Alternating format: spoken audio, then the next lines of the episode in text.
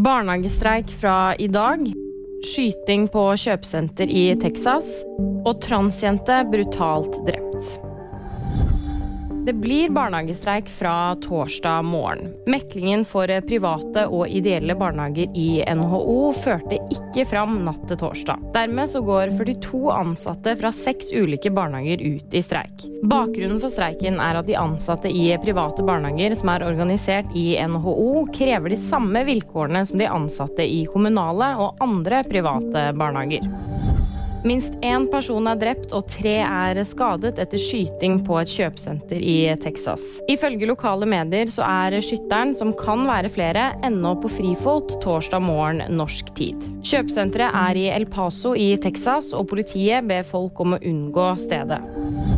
Drapet på den 16 år gamle transjenta Brianna Gay ryster Storbritannia. To tenåringer er siktet etter at hun ble funnet stukket i hjel i en park. 16-åringen var åpen trans og delte sin hverdag med sine 20 000 TikTok-følgere. Det er en gutt og en jente, begge 15 år gamle, som er siktet for drapet. Og VG-nyhetene fikk du av meg, Kaja Marie Andreassen.